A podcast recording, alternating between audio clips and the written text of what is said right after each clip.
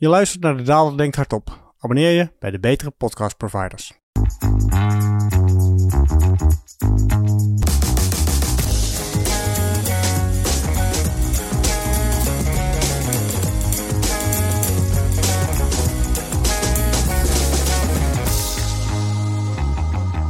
Welkom bij deze Alles gaat sneller dan verwacht in Azië. De editie van de Daalder Denkt Hardop. Ik doe een Felix Salmontje. Uh, die doet ook altijd zo'n mooie introductie aan het begin van elke podcast. Hij noemt elke podcast naar het onderwerp wat die week besproken wordt. En dat is in dit geval dus dat alles sneller gaat in Azië. En hierbij heb ik het dan specifiek over China, de heropening en economisch herstel lijkt daar toch allemaal wat sneller plaatsvinden dan iedereen, laten we zeggen, een maand of twee geleden nog dacht. En hetzelfde geldt eigenlijk ook voor de Bank of Japan. Ook daar zie je een veel snellere draai dan iedereen had verwacht. Maar daarover later meer. Eerst nog even de huishoudelijke mededeling. Mijn naam is Lucas Daalder. Dit is de Daalder Denkt Hardop. Ik bespreek hierbij altijd ontwikkelingen in financiële markten, wereldeconomie en wat dies meer zij. U kunt me altijd bereiken op mailadres vraag.daalder.blackrock.com voor al uw vragen, opmerkingen, suggesties en misschien ook wel tips voor podcasts die ik moet luisteren. Hoewel, ik ben bang dat ik de komende tijd nog wel eventjes eh, zoet ben. Want uh, de podcast tip van deze week is er eentje die nogal wat lang is. Een uurtje of vijf om precies te zijn. Dus daar ben ik zelf ook nog wel enigszins zoet mee. Verder Oh ja, abonneer je, uiteraard. Dat is de belangrijkste mededeling die ik altijd heb. Wil je elke week gegarandeerd zijn dat deze podcast in je podcastfeed opduikt? Abonneer je, dat kan uiteraard bij Apple, dat kan bij Spotify, maar er zijn vast ook andere platforms waar dit mogelijk is. Doe dat vooral. U doet mij daar in ieder geval een heel erg groot plezier mee. En daarmee zijn we aan het begin van de podcast. So, let's go!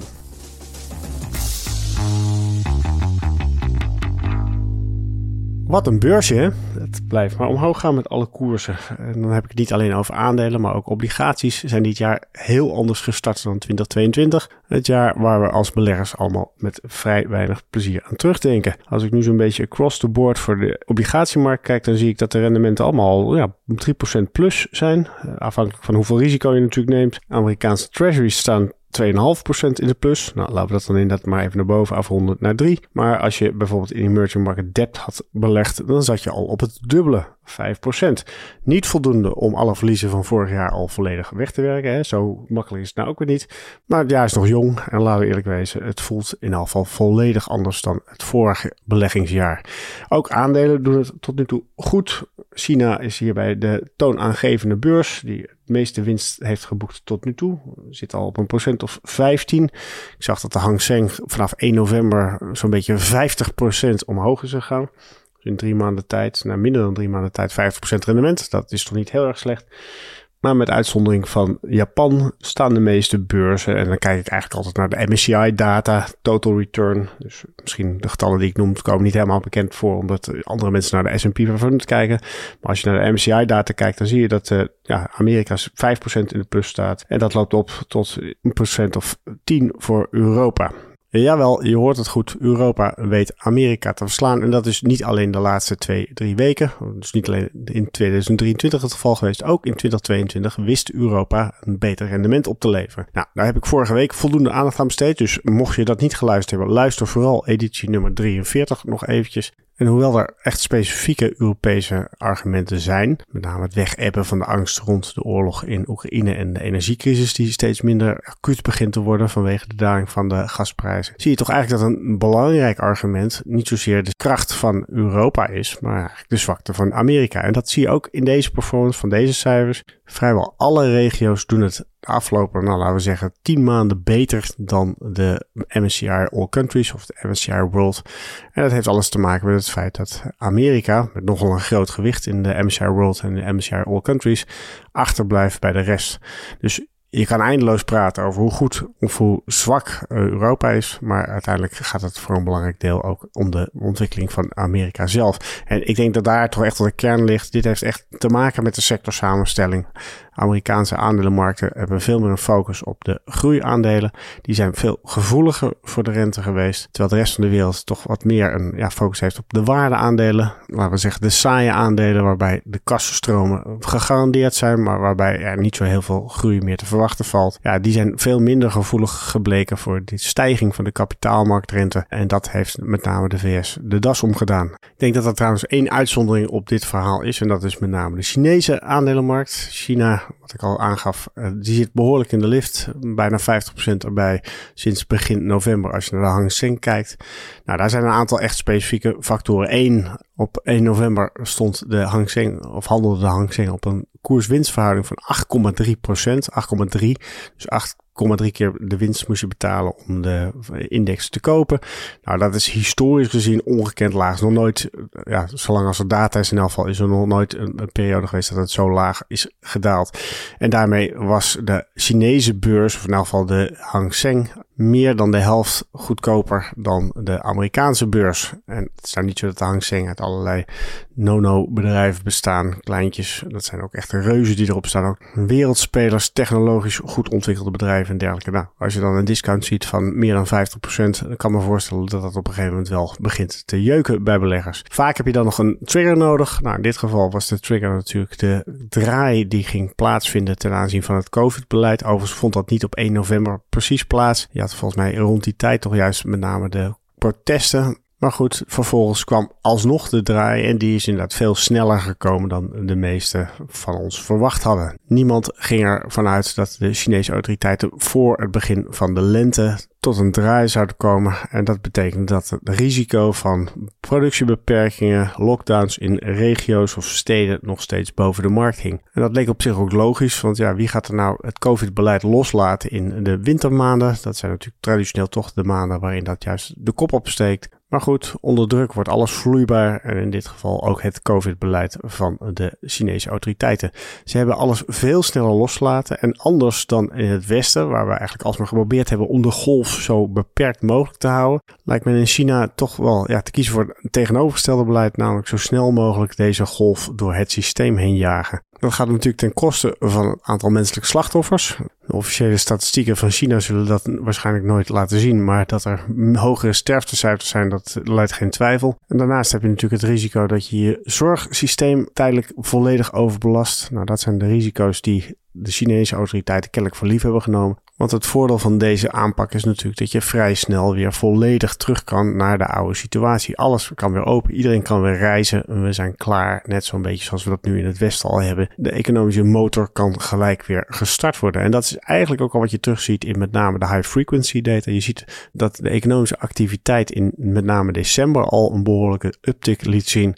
En dat leidt er dus nu vervolgens ook toe dat alle analisten zich gaan buigen over de groeiraming voor 2023. En daar zie je dus dat China Anders dan de rest van de wereld, helemaal niet op een recessie afstevend, maar juist op een groeispurt. Nou, dat geeft de beurs in China uiteraard vleugels. En niet alleen de beurs, want ook de prijs van koper is de afgelopen tijd natuurlijk behoorlijk in de lift. En het idee dat de Chinese economie in 2023 met een procent of 5, misschien wel 6 gaat groeien, is uiteraard ook een wind in de rug voor met name de emerging markets. En dat verklaart dan hun performance weer.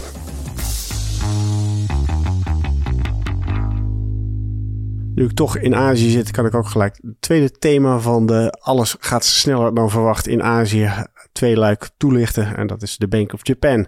Nou, hier loop ik natuurlijk een groot risico. Ik neem dit namelijk op op dinsdag. En ik weet dat op woensdagochtend, tegen de tijd dat u deze podcast luistert, is de Bank of Japan waarschijnlijk al met haar beleidsbeslissing naar buiten gekomen. U hoort hier dus niks nieuws. Sterker nog, u luistert nu naar oud nieuws. En het nieuwe nieuws kunt u vinden op de verschillende websites toch even aandacht voor het onderwerp. Want ook hier gaat het echt om iets wat veel sneller gaat dan verwacht. Ik, ik kan me herinneren dat we, nou, het zal november geweest zijn, intern binnen BlackRock een ja, call hadden over dit onderwerp. Wanneer gaat de Bank of Japan draaien en in welke vorm zal dat zijn? Ja, toen was het eigenlijk zoiets van, ja, dat zal nog niet komen. Misschien wel eens, maar hoe en welke vorm, heel voorzichtig. Het ziet ernaar uit dat het nu allemaal toch wat sneller en wat radicaler gaat. Nou, waar gaat het over? De Bank of Japan heeft anders dan andere centrale banken niet alleen een beleid gevoerd voor de korte rente, maar ook de lange rente, de yield curve control.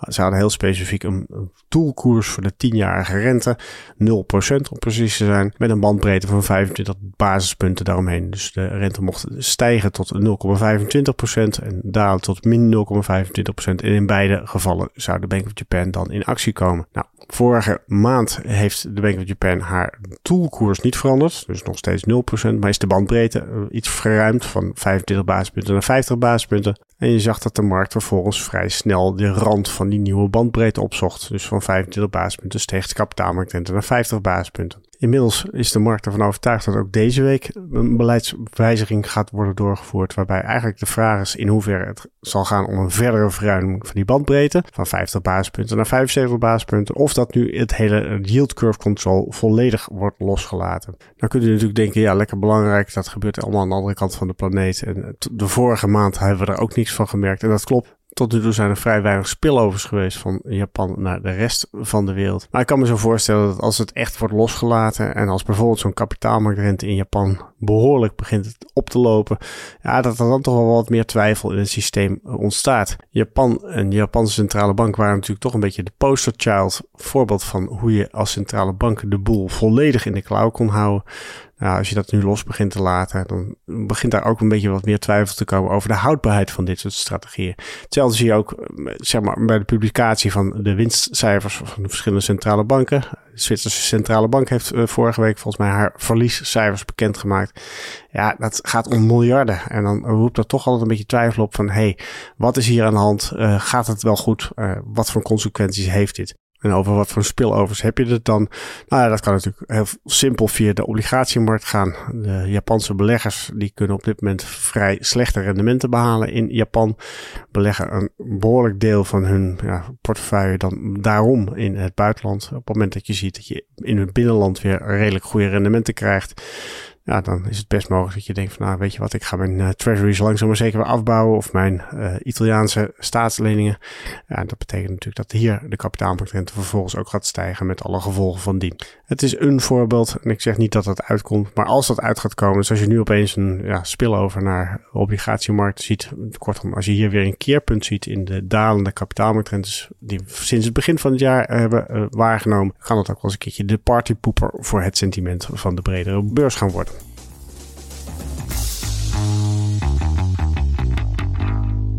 Over partypoepen gesproken in de Daalder op dinsdag. Dat is een publicatie die ik elke dinsdag schrijf. Nee, ik schrijf hem op maandag, maar die op elke dinsdag wordt gepubliceerd. Waar je je overigens ook op kunt abonneren. Dus als je dan toch aan het abonneren bent, kun je daar ook terecht. Kruip ik deze week een beetje in de rol van de mopperende Muppets. Die zo'n beetje altijd op het balkon hangen en op alles en iedereen een commentaar hebben. En ik heb in dit geval commentaar op al die mensen die maar roepen dat er richting een soft landing gaan. Weg is de recessie, weg is inflatie. Het probleem was er helemaal niet. Het was één grote aanstellerij. Dat is een beetje de strekking die ik hier en daar beluister. En daar valt wat mij betreft behoorlijk wat op af te dingen. De kern van het verhaal zit er met name in het feit dat de gasprijzen in Europa weer onder de 60 euro zijn gedoken. Waarbij iedereen dan zegt van ja, dat ligt 25% lager dan een jaar geleden. Wat nou inflatie, energiecrisis, opgelost. Ja, hartstikke leuk om naar een jaar op jaar cijfer te kijken. En uiteraard ga je in een jaar op jaar vergelijking op een goed moment altijd zien dat je van inflatie naar deflatie gaat. Dat is nou eenmaal de rekenkundige consequentie van een piek in een bepaalde prijsontwikkeling. Maar daarmee is natuurlijk niet gezegd dat het hele probleem in één keer is opgelost. Het echte probleem is namelijk dat de 60 euro die nu op de borden staat, en die inderdaad gelukkig een stuk lager ligt dan de 300 nog wat uh, die we in augustus van vorig jaar nog hadden, dat dat nog steeds drie keer zo hoog is als de gemiddelde prijs in 2010, 2020. Dus we hebben nog steeds te maken met een verdrievoudiging van onze energielasten. En ja, dat komt dan misschien niet meer terug in een jaar op jaar inflatiecijfer. Maar dat is omdat we die vergelijkingsbasis van 2019, 2018 niet meer meenemen. De pijn moet nog steeds genomen worden. Onze energie is nog steeds drie keer zo duur en daar moeten we nog steeds ons productieproces op aanpassen. En dan is het misschien niet meer acht keer zo duur, zoals het, of, of twintig keer zo duur als het op een goed moment was, maar drie keer zo duur is nog steeds een pijnlijke aanpassing, hoe je het ook bent of keert. Los daarvan, de inflatieimpuls die we al gehad hebben, heeft de koopkracht de afgelopen jaar behoorlijk onder druk gezet. Reële lonen zijn gedaald. Daar kan je de ECB-statistieken op naslaan. Met een procent of 5 tot 7,5. Ja, voor heel eurozone is dat eigenlijk een ongekend sterke daling. Gegeven dat die arbeidsmarkt krap is, kan je best verwachten dat daar nog een reactie op komt. Dus dat je tweede orde effecten krijgt kan het best zijn dat de inflatie vanuit de energiesector dit jaar niet meer zo'n grote rol speelt. Sterker nog, misschien zelfs deflatoir wordt. Dat betekent uiteraard niet dat daarmee het inflatieprobleem al volledig uit het systeem weg is. Kortom, deze mopperende muppet ziet nog wel wat beren op de weg. Overigens misgun ik niemand een beetje een rally in aandelen. Dus ik ben ook erg blij met het wat gunstiger beursklimaat dat we de afgelopen tijd hebben gehad. En ik snap natuurlijk ook wel dat een gasprijs van 60 euro heel wat makkelijker te verwerken zal zijn dan een gasprijs van, laten we zeggen, 150 euro. Dus dat we wat positiever zijn, dat zie ik ook allemaal wel. Dat snap ik ook van harte. Maar om nou te doen dat het probleem hiermee is opgelost, nou, dat gaat echt veel en veel te ver. Kortom, lees de daalder dinsdag of anders wel de column in het Financieel Dagblad van deze week, want die gaat ook over dit thema.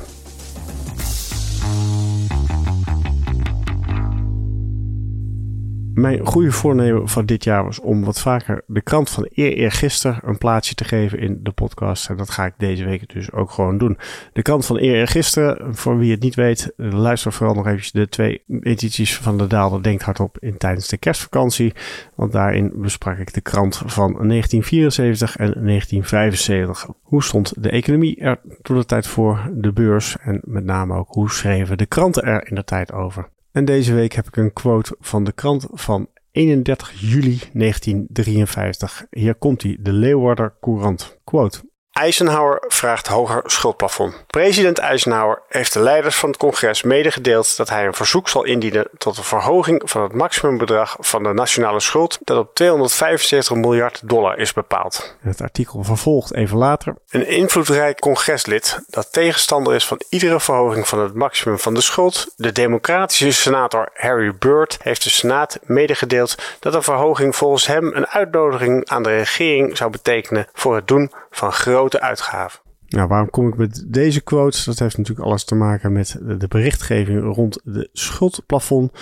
In Amerika hebben ze een vreemde neiging dat je niet alleen een budget vaststelt, maar ook een beperking van hoeveel schuld eruit mag staan. Het zijn dezelfde politieke partijen die tot alle twee besluiten. Dus je zou zeggen, als je tot een uitgave hebt besloten, ja, dan weet je ook wat er met de schuld gaat gebeuren. Maar nee, er is een wettelijke beperking van hoe hoog die schuld mag zijn. En dat geeft met name de politiek elke keer weer de kans om eindeloos te gaan zitten onderhandelen, moeilijk te doen, dreigen om toch nog een keertje hun zin te krijgen. En het grappige is dus dat de politieke kleur ook elke keer wisselt.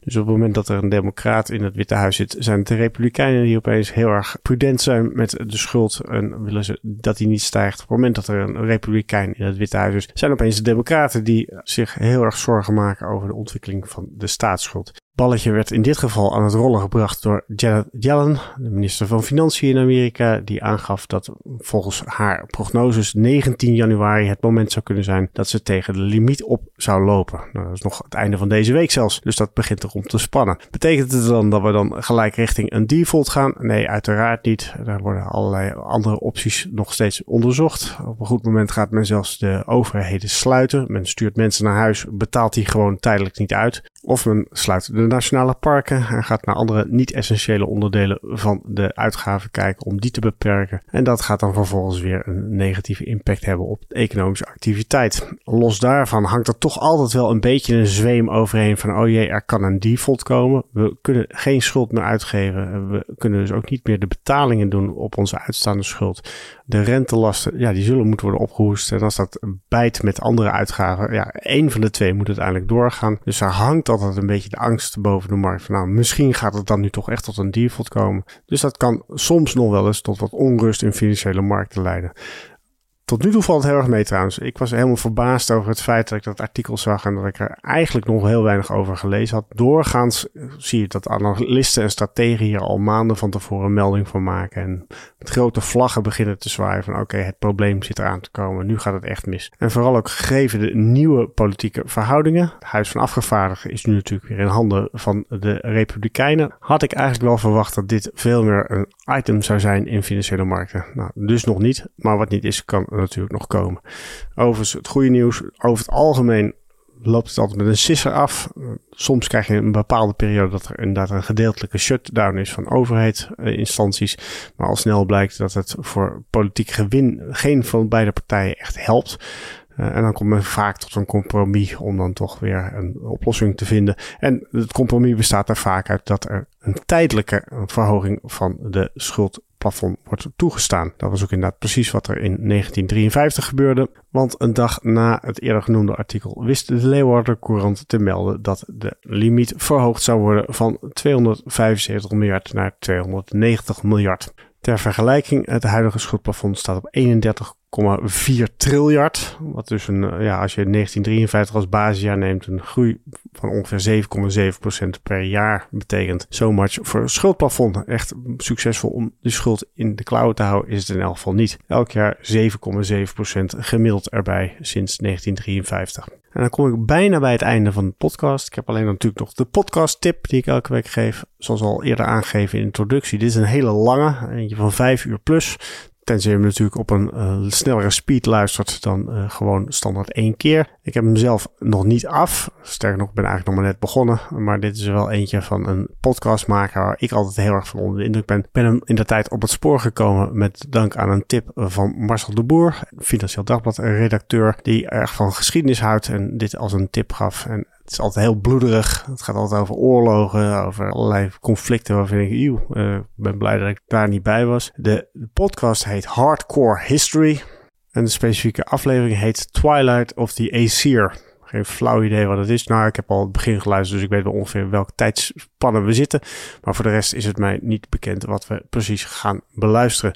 Vijf uur, nou, als je het op een snellere speed doet, kom je op vier uur nog wat. Dus ik denk dat ik deze week wat minder tijd heb voor mijn normale economische podcast en financiële markt. Niet getreurd, ook volgende week zal er desondanks weer een, nieuwe podcast, een Daal dat denkt hardop, uh, gepresenteerd gaan worden. Dus maakt u zich geen zorgen. Doet u dat wel, abonneer dan vooral, dan weet u zeker dat u hem niet zal missen. En tot die tijd moet u nog even geduld hebben. Ik wens jullie allemaal weer een goede week en tot de volgende keer. Dag!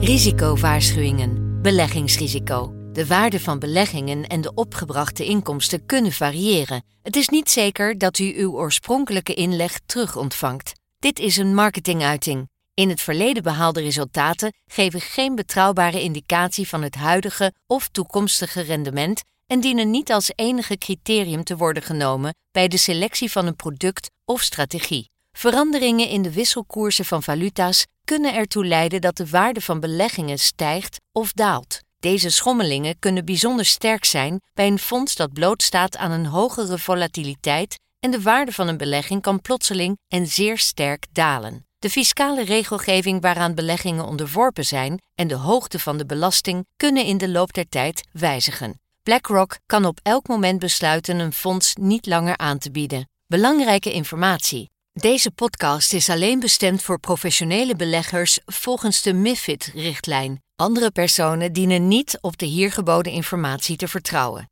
Deze podcast is uitgegeven door BlackRock Netherlands BV, dat een vergunning heeft verkregen en onder toezicht staat van de Nederlandse Autoriteit Financiële Markten. Officiële zetel Amstelplein 1 1096 HA Amsterdam. Telefoonnummer 020 549 5200. Ingeschreven in het handelsregister onder nummer 170 Om u te beschermen worden telefoongesprekken doorgaans opgenomen. Alle in deze podcast vermelde researchgegevens zijn verstrekt door BlackRock en kunnen door BlackRock inmiddels voor eigen doeleinden gebruikt zijn. De resultaten van dergelijke research worden slechts incidenteel verstrekt. De hier geuite visies vormen geen beleggingsadvies en kunnen aan verandering onderhevig zijn. Ze weerspiegelen niet altijd de gezichtspunten van een bepaalde onderneming binnen de BlackRock-groep of van een afdeling daarvan en de juistheid ervan kan niet worden verzekerd. Deze podcast is uitsluitend bestemd ter informatie.